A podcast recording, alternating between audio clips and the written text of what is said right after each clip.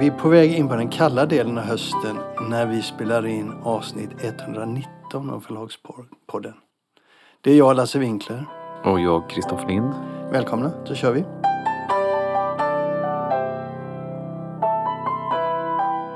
Vi ska prata barnboksrecensioner. Recensioner ska vi prata lite.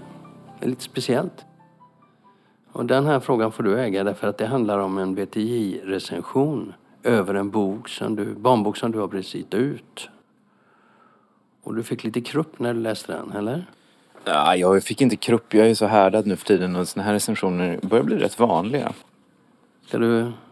Ja, alltså det är en bok som heter Jobba, gräv och lyft. Och eh, recensenten heter Ulf Hultén Cavallius. Behöver vi ha det namnet med? Ja, det tycker jag. Okej. Det är väl ingen hemlighet. Det här är då en, eh, en bok som, som handlar om, om eh, husbyggen, motorvägsbyggen och såna här saker. Brandstation och flygplats. Han tycker illustrationerna är trevliga och det är ett fint myller. Men han tycker då att boken cementerar könsroller. Arbetsstyrkorna består till 90% av män. Och eh, därtill skildras befolkningen som en tämligen homogen grupp stående av vita människor. Ska du hitta några andra nationaliteter får du ge dig av till flygplatsen. Ett utomeuropeiskt invandrarbarn har ingen att identifiera sig med här, särskilt inte en flicka. Det blir tummen ner år 2021-2021. Helhetsbetyg 2, det är från en skala från 1 till 5. Så det kan man säga, ja det är en total sågning. Mm. Vad tänkte du när du såg den? Mm. Jag tänkte, dels så tänkte jag att han har skrivit såna här recensioner tidigare så det är, det är lite hans grej då. Men, men eh, nej, jag tänkte att han har, han har rätt. Alltså det är, det är en tysk bok som kommer från ett förlag som heter Regensburg. Och eh, de gör, som många tyska förlag gör, barnböcker i en stil som ser ut lite som barnböckerna gjorde när jag var liten på 80-talet. Det, är liksom, det har inte riktigt moderniserats men det är väldigt pedagogiskt väldigt bra böcker. I synnerhet de här som skildrar olika så här arbetsplatser, bondgårdar och sånt. De, de funkar ganska bra också i handeln. Det är ju rätt populära böcker. Men han har ju rätt i att det är ganska mycket så här. Så du tycker att det är en okej recension då? Nej, det gör jag inte. Jag tycker att det, jag tycker det är ganska tröttsamt. Hur skulle en, rätt, en, en recension som fungerar och tar hänsyn till sådana här saker, ty- skulle den se ut tycker du? Jag vet inte men eh, man, kan ju, man kan ju närma sig en bok på lite olika sätt. Och, och de, här, de här mångfaldsfrågorna är ju naturligtvis något som vi alltid numera förhåller oss till. Jag tror att hade det här varit en svensk bok så hade den sett annorlunda ut. Nu är det en tysk bok. Det kan ju vara en bra bok även om ett utomeuropeiskt invandrarbarn inte kan identifiera sig med mycket i den här texten. Jag, jag kan tycka att det är att om, om det är liksom kriteriet för vad som är bra böcker och bra litteratur så kan, det är ganska mycket som vi bara kan sluta ge ut. Exempelvis Astrid Lindgrens alla böcker som ju med Bullerbyn och Blonda Emil-pojkar och sådär. Jag var på, på Norstedts eh, förlag igår på Riddarholmen och då tittade jag lite grann på vad de eh, exponerade när man kommer in av barnböcker och då är ju Pippi Långstrump en av de första man ser. Det är ju mycket mer traditionellt i Tyskland samtidigt som Tyskland är mycket mer mångkulturellt än Sverige. Det finns en sån där dröm och längtan efter liksom hembygden och byn och det tra- traditionella livet som jag inte egentligen tror behöver vara rasistiskt eller exkluderande. Men det, det, vi- de har ju en sån, det finns lite mer så i Tyskland. Mm. Kommer du att köpa några fler böcker av Regensburgs förlag? Eh, jag köper inte barnböcker längre. Men eh, nej men som jag säger, han har, han har poänger här och eh, så ser det ut. Och eh, jag tycker fortfarande att det är en ganska bra bok. Men det är ett problem. Det Nej, jag tycker inte att det är ett jätteproblem. Jag tycker inte att det här är en bok som allvarligt cementerar eh, könsroller eller som, som sprider eh, rasism eller, eller så. Jag tycker inte att det är ett jätteproblem. Varför vi tar med en sån här punkt är för att den är väldigt konkret. Och därför att det här är en, en eh, situation som allt fler förlag måste förhålla sig till. Vad jag blir intresserad av det är lite grann BTJs eh, recensionstjänst. Hur den, hur den framställs och vad den, är, vad den är bra för egentligen. Jämför med till exempel i USA där Bibliotekstjänst ger ut, de har ju egna tidningar där de recenserar de här kommande böcker, det är ju så stor marknad. Så hittar du inte den här typen av kommentarer. Eh, det är möjligt att du inte hittar den här typen av böcker i, i, i USA. Men de har framförallt eh, en, de, de har redovisat vad som har hänt men det är mycket sällan eller aldrig du stöter på recensentens egna preferenser eller recensentens egna, hur den tycker det ska vara. För det är ju lite så här. Han, han säger ju hur han tycker det ska vara. Jag tror att de får en del instruktioner och eh, den här recensenten har ju tidigare återkommit till just haft såna här invändningar på flera av våra böcker så han, han verkar liksom satt i system att alltid liksom bocka av de här grejerna men jag tror det finns ju många saker som de återkommer till. Eh, det finns ett eh, en litteraturförteckning, finns det ett namnregister och sådana saker. Jag, jag, tror att det här kan vara också en sån sak som, som biblioteken kanske också vill att de ska uppmärksammas på. Vi har, får ju ofta, just på barnböcker, får vi ofta sådana synpunkter.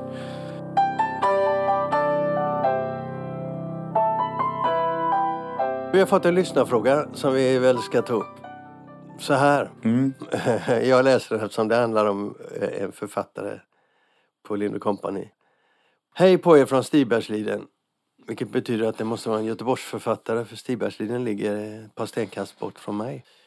Lyssnar regelbundet på er podd och har en grej jag funderar över och som har varit intressant att höra er syn på. Lind Company har gett ut två av mina böcker som ljudböcker. Båda inlästa av en bra men relativt okänd inläsare. Jag fick själv vara delaktig i valet men insåg inte då vikten av att ha ett mer känt namn. Förstår att många lyssnare väljer böcker efter inläsare om man ger ut en tredje bok i samma serie är det naturligt att behålla samma inläsare.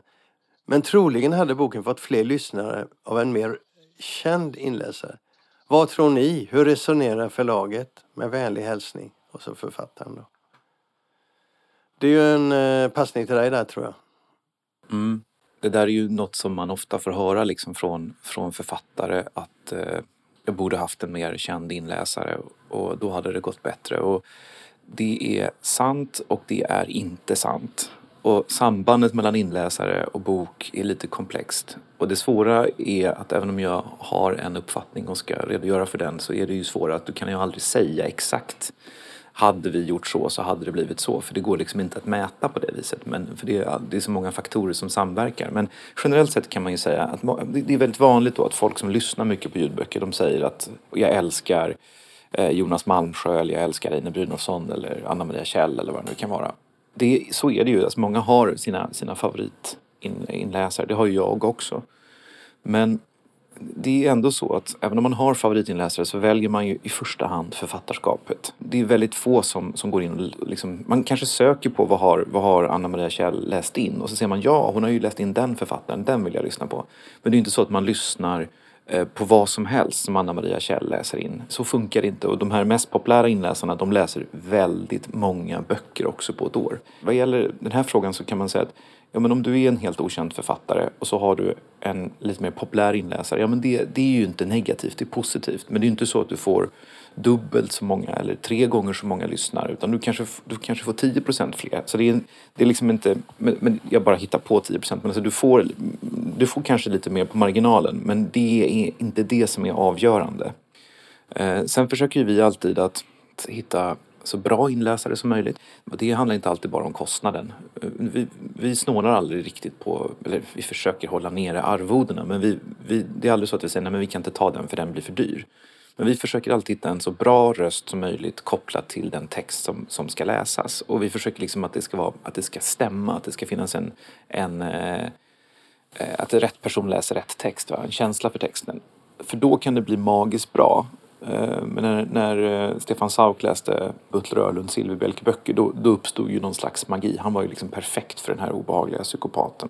Och jag tycker att när Fredrik Granberg läser eh, Mikael Ressems böcker så är det också fantastiskt bra. Det finns någonting i texten som, som, som han knyter an till liksom, med sin röst och sitt sätt att prata och läsa. Och, så. Mm. och sen, kan, sen är det också sådana saker som att vi försöker undvika om, om, det, om huvudpersonen är en, eh, en kvinna i 28-årsåldern så har vi inte en eh, man i 62-årsåldern som läser. Så det finns ju också sådana begränsningar som vi har. Men det är svårt att säga. Eh, men, men det är ju aldrig så att man man kan ta en populär inläsare och ta vilken bok som helst och så går det bra. Då, det, det, så enkelt är det inte. Nej. Läser du själv, väljer du själv böcker utifrån vem som har läst dem? Aldrig. Jag, läser, jag väljer alltid författare såklart. Det är ju storyn som är viktigast. Men ibland så, så eh, händer det att jag hamnar i en situation där jag hör en, en röst som är helt magisk. Det är länge sedan, det var en, en bok av Philip Roth. Och det var en, en amerikansk eh, skådespelare, en ikon vad jag förstår. Och jag lyssnade till den här rösten när jag var ute och körde bil. Och jag kom på mig själv med att tänka, vilken trygg röst, vilken fantastisk röst. Den senaste gången jag hade den upplevelsen var faktiskt när jag lyssnade på Klas Östergrens egen inläsning av Två pistoler. Han har en otroligt bra röst och han läser med en fantastisk känsla för texten och textens eh, liksom, ironier och, och, och, och sådär. Och det kan man ju tro är självklart eftersom man är författare men de flesta författare är väldigt dåliga på att göra inläsningar. Och det där är nog också någonting som har förändrats. Förr var det väldigt vanligt med författarinläsningar. Det har tack och lov inte blivit så vanligt längre. Jag håller med, jag håller med om Claes Östergren för jag, jag tyckte Renegaterna, hans läsning av Renegaterna var fjolårets bästa bokupplevelse för mig. Sen en, en sak till bara. Svaret som jag gav på frågan nu det, det är ju kopplat till skönlitteratur i första hand. Vad gäller fackböcker så är inläsaren på ett sätt ännu viktigare, på ett sätt eh, mindre viktig. Alltså den är mindre viktig på så sätt att det är ingen som väljer en fackbok för att en viss person som läser in den. Mm. Och det gäller ju biografier också som är väldigt stort i, i streamingtjänsterna. Vill man lyssna på Magdalena Grafs självbiografi så, så ja, har hon läst den kan det vara ett plus. Men sen det spelar liksom ingen roll. Man, man lyssnar inte på den för att Jessica Pellegrini läser den. Och där, där kan man se, se också då hur liksom fel då en del förlag Jag började lyssna på en bok, eh, en, det var en biografi om Stenbeck, en, en äldre biografi som hade gjorts till ljudbok nyligen av Modernista. Och då hade de sagt Johan Rabeus på att läsa in den boken. Och det är då han passar inte för att läsa en fackbok för att han, han har en alldeles för dramatisk röst. Men jag orkade inte lyssna på den, jag var tvungen att sluta. Men där gjorde ju förlaget fel så att säga. För att det, jag valde boken, biografin om Stenbeck. Och, och jag skulle aldrig liksom, de som gillar Rabeus ju inte läsa på lyssna på en biografi om, om, om Stenbeck. För det, det, det, kräver ett intresse för Stenbeck. Så det är en förenkling att säga att eh, in, alltså inläsaren är så otroligt viktig men det är ett så intrikat samband av olika faktorer som samverkar till om det går bra eller dåligt. Så det går inte att förenkla det till att hade jag haft en kemikänd inläsare så hade det gått bättre. Förutsättningarna hade kanske varit på marginalen bättre.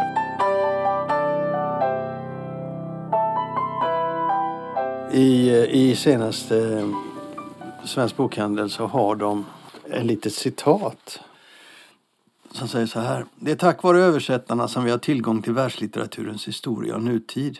Och det är ett öppet brev undertecknat av eh, 1760 författare.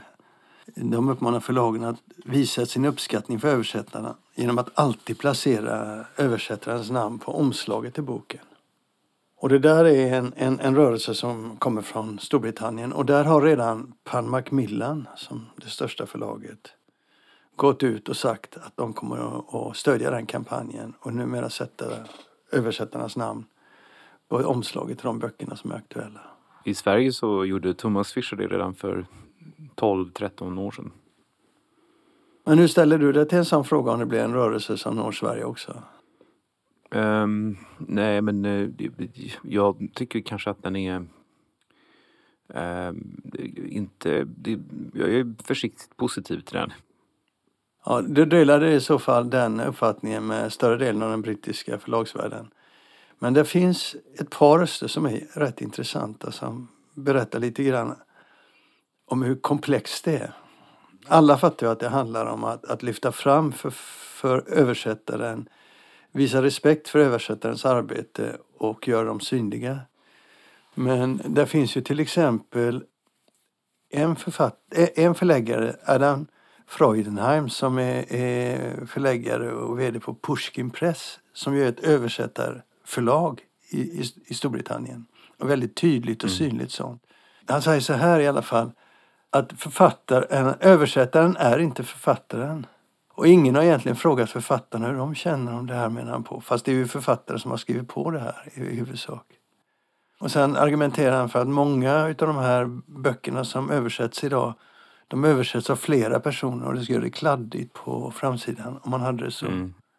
Och, eh, det, det, det, är ju en invänd, det är en invändning tycker jag som är också ganska, man vill ju inte ha för mycket information på framsidan. Nej och sen så påverkar det också layouten en hel del. Men han menar på att vad det handlar om det är att visa hur viktig författaren är. Och att de ska, ha, de ska erkännas och de ska Översättaren menar Ja, jag menar översättaren. Och de ska erkännas och de ska krediteras för detta.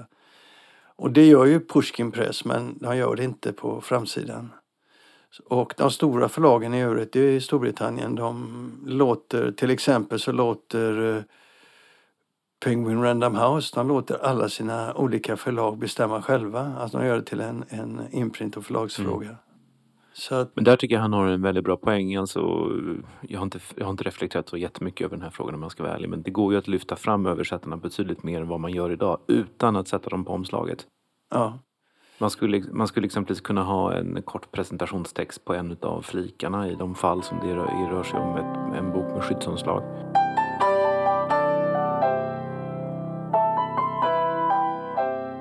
Nästa inslag i, i det här avsnittet av Förlagspodden är ett samtal som jag har med Danuta Strandberg som är ansvarig för eh, ljudboksutgivningen i Polen för Lind Company. Det är den första samtalspartnern i höst som jag har med någon från Lind Company. Vi har haft ett antal samtal under hösten och vi kommer att ha ett par till. Den här gången kommer vi att prata Polen och Polens eh, ljudboks... Eh, prata- Marknad kanske? Ja, ju- Ljudboksmarknad. Just det. Så är det. Och eh, det gör vi samtidigt som du nu har eh, startat upp i Frankrike och Danmark. Ni Ja, har, i Frankrike har vi inte riktigt hunnit starta upp i men vi, är på, vi står i startgroparna. Okej, hur många länder är ni nu då? Ja, det är ju Sverige, Finland, Norge, Danmark, Polen, Nederländerna och så snart Frankrike.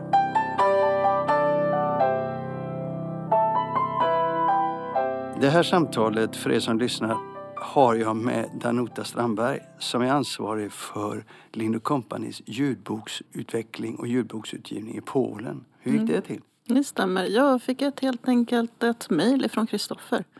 Och sa, som sa att kan inte vi ses? Så vi sågs på ett café. Och då sa han att du vet Anota, jag funderar på det här med Polen. Och han hade fått hört från Storytel att som skulle gå in i Polen att det gick bra där. När var detta? Det här var för två år sedan, 2019. Och sen dess har du ut ut hur många titlar då? 200 drygt. Bara polska titlar, bara polska författare. Men vi som inte vet något om den polska bokmarknaden, berätta lite. Bokmarknaden är ska vi säga, stor. Den är, även om 44 procent läser, eh, så av de som läser så läser man mycket. Eh, Och ljudböckerna har kommit in. E-böckerna också har under pandemin blivit ett stort. Så det är en frisk marknad helt enkelt med väldigt många polska författare. Större än Sverige? Svenska marknaden? Det har jag svårt att säga. Det är fler miljoner som lever. Det är 40 miljoner polacker. Mm, Och så- 40 procent av dem, det är 17 miljoner. Så att eh, det är klart det är mer människor i Polen. Ja, om man tittar på bok och ljud då, hur ser det ut där? Eh, Fortfarande är det så att papper är starkt, men sjunker undan. Jag kan väl säga så här att Polen ligger några år efter Sverige kanske. I den utvecklingen? Ja, i den utvecklingen. Samtidigt så har de ju haft en väldigt stark e-boksmarknad. Eh, Så att e-böckerna och ljudböckerna gå- går lite hand i hand kan man säga. De marknadsför varandra. Men när du kom in på marknaden då 2019, alltså två Mm. år sedan, drygt två år sedan. Hur såg det ut då med ljudböcker? Ja, det fanns ljudböcker men förlagen gav inte ut så många. De valde ut sina bästsäljare. Så man kunde gå till det som motsvarar Akademibokhandeln i Polen, Empik. Då kunde man se att tio topplistan av de mest sålda, de finns som ljudböcker men inte så mycket annat. Så, och det har ju ändrats väldigt mycket. Men så du hade liksom jungfrulig mark när du kom in? Ja, det kan man väl kanske säga. Och det var också väldigt mycket lättare att komma upp på topplistorna. Ja, men hur gjorde, du- hur gjorde du när du började köpa böcker? Jag eh, gick igenom på internet. Vi funderade, fick väldigt mycket råd ifrån Kristoffer också självklart och här också, redaktionen här. Över vad man skulle satsa på först och det var ju deckare och kanske feelgood och sådär. Det kändes som det tryggaste. Och sen så hittade jag ett antal förlag som jag tog kontakt med. Och då började vi ett samarbete. Så förlagen ger ut papper, ibland e-böckerna. Och vi ger ut ljudböckerna. Så vi köper ljudboksrättigheterna bara. Men, men en, en toppsäljare i ljud i Polen, hur, hur stor är den? Vi säljer på flera olika ställen, på flera olika streaming-sajter. Och det är väldigt olika. Det skiljer sig väldigt mycket faktiskt från den ena till den andra. I vissa fall så krävs det säkert över tusen lyssningar och i vissa fall krävs det kanske 200-300 lyssningar. Men, men för att du ska anse att en bok är en, en succé, hur mycket vill du att den ska komma upp i då? Totalt ja, alltså? Ja, totalt sett så över på en månad så är det säkert tusen lyssningar och liknande. Om man tittar på hur man gör ljudböcker i, i Polen, är det något annorlunda mot Sverige? Eh, det tycker jag inte att det är. Jag tycker att de håller en väldigt hög kvalitet. Eh, det som skiljer sig i Sverige mot Polen det är att i Polen finns det fler genrer till exempel inom krim. Man kan ge ut både thriller, psykologiska thriller, man kan ge ut klassiska deckare, man kan ge ut Eh, och och retrodeckare och allting går ungefär lika bra. Nu, nu finns det en slagsida åt ena andra hållet men, men i Sverige då känns det som att det är väldigt mycket en viss typ av krim som går bra, en viss typ av feelgood som går bra. Bättre än allting annat. Då. Där finns det väldigt många olika. Jag tror att det hör, hör ihop med den polska, den historiska att man kan försätta till exempel en, en deckare i olika historiska miljöer men fortfarande vara i Polen. Krigsperioden, förkrigsperioden, kommunist-PRL-tiden och så vidare. Om du jämför den utgivningen du ser, det är i huvudsak polska författare som går i Polen? Ja, bara, bara, bara. Bara. Inget översatt? Inget översatt, än så länge. Men hur är, hur är, hur är om du jämför den utgivningen med den svenska, skiljer, hur skiljer den sig åt? Om den skiljer sig åt? Det, jag tycker bredden är större i Polen. I vilka miljöer så att säga deckarna och att det blir populärt så att säga. Och feelgood? Och feelgood, samma sak där. Att det finns det är en större bredd. Hur stora är ni i Polen jämfört med andra förlag som ger ut ljudböcker? Jag tror att vi är väldigt stora. Störst? Nej. Det tror jag inte. Men vi ger de, alltså den informationen som jag får, det, det är ju lite hemligt och sådär, mm. mer inte ut. Eh, så ger vi ut per vecka är vi en av de stabilaste utgivarna. Det vill säga vi ger ut två till fyra böcker per vecka. Och det är mycket mer än många andra förlag gör. Men, men, men om man tänker sig vi svenskar då, eller åtminstone jag, vet ingenting om den polska bokmarknaden. Är det någonting som du tänker skiljer sig väldigt mycket åt jämfört med den svenska när du jobbar? Så att säga?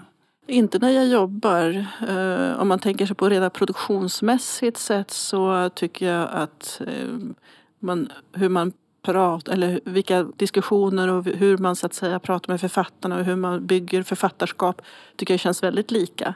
Eh, samma sak på studiosidan, man säger ljudboksproduktionen. De har väldigt hög kvalitet på ljudböcker så där har jag inte behövt då, så att säga påpeka eller krångla med anvisningar utan de vet precis eh, vad som gäller och vad som är hög kvalitet. De har en sån tradition helt enkelt.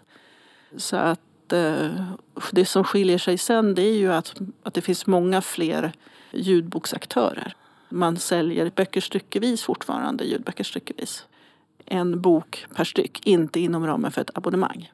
Så de har ingen streaming har inte Storytel en streamingtjänst? Storytel har streaming, många har det. Eh, och de är, det är många fler. Det är Storytel, det är Empic, Legimi, Eh, Audiotech, alltså Audioteca. Så det är flera stycken streaming. Eh, och, men man, på andra sajter så erbjuds man också att köpa per bok. Det vill säga 20 zloty eller 30 eller 40 zloty för en bok. Men den försäljningen som har varit en ganska klassisk försäljning den börjar sjunka undan. Så vi ser ju också att den försäljningen är mycket lägre utan till ramen, men abonnemangsförsäljningen ökar. Förskjutningen går åt abonnemangshållet. Nu kan ju du den polska marknaden, men mm. var det mm. någonting som förvånade Kristoffer här till exempel när du började berätta hur det går till i Polen? Det är svårt att säga men det är, det är kanske att det är en större bredd på så att säga själva vilka böcker man kan ge ut och vilka böcker. Kanske, kanske bredden har överraskat något. Men kanske också antalet böcker som finns att köpa. Det blir samma sak där. Den kommer ju, det kommer ju så att säga att bli färre och färre. Förlagen upptäcker ju precis som i Sverige och sitter ja. på ljudboksrättigheterna. Men i Polen, det som förvånar mest det är ju att egentligen så är Polen en författarnas marknad. Alltså det är författarna som äger sina rättigheter. Så säljer de rättigheterna till ett visst förlag under kanske fyra, fem år. Sen går det tillbaka till författarna. Vilket gör att vi har en väldigt stor backlist som ligger hos författarna. Och det är, de, med, det är med dem man så att säga förhandlar sen då. Så att eh, det gör ju att det finns väldigt mycket backlist att köpa och på marknaden att hitta så att säga då och leta upp. Hur går försäljningen i Polen? Just nu så går det väldigt bra. Det har varit en bra, juli var den bästa månaden totalt sett. Hur många lyssningar hade ni då? Ungefär kring 500-600 lyssningar per dag. Det har ni då på, på alla plattformar? Ja precis, det är just det på alla plattformar. Ungefär Ja. 500-600 lyssningar per dag. Med tanke på kostnaden för att göra en bok, hur många lyssningar måste ni ha för att eh, så att säga gå break-even på en titel? Det skiljer sig bero- beroende på just in, inköp och vilka inläsare och så. Men i snitt ungefär 2000. För Då är ni hemma Ja, då borde vi vara hemma. Men det kan skilja sig också. Och som sagt, vissa inläsare nu också börjar förstå att de är väldigt populära. Så prisbilden börjar ju ändra sig också även i Polen. Vi, vi pratar ju ofta om hur mycket, hur mycket pengar som författarna får på en, på en ljudbokstitel. Hur ser det ut i Polen? Hur stor andel får författarna utav kakan? Och nu är det inte då vi som sluter det avtalet eftersom vi sluter avtalen mot förlagen. Ja. Så, Så det, förlagen i sin Det är tur... förlagen i sin tur som ger vidare så att säga det. Men enligt polska mått mätt så har vi väldigt bra villkor. Eh, 20-25 procent i royalty. Och vi betalar förskott också. Men det är så. Det är, ni, ni, för er är, det- handlar det om... För Lind Company i Polen handlar det om deckare och feelgood. Ja, precis. Inget annat. Barnböcker. I höst kommer vi ut de fyra, fyra första barnböckerna. Det är intressant som experiment, antar jag. Mm, mm. Och det är mest, små mästerdetektiver. så vi håller oss inom Inom ramen deckarsidan. Ja, det gör vi. Okej, okej. Det gäller inte att vara alltför vild och galen. Nej.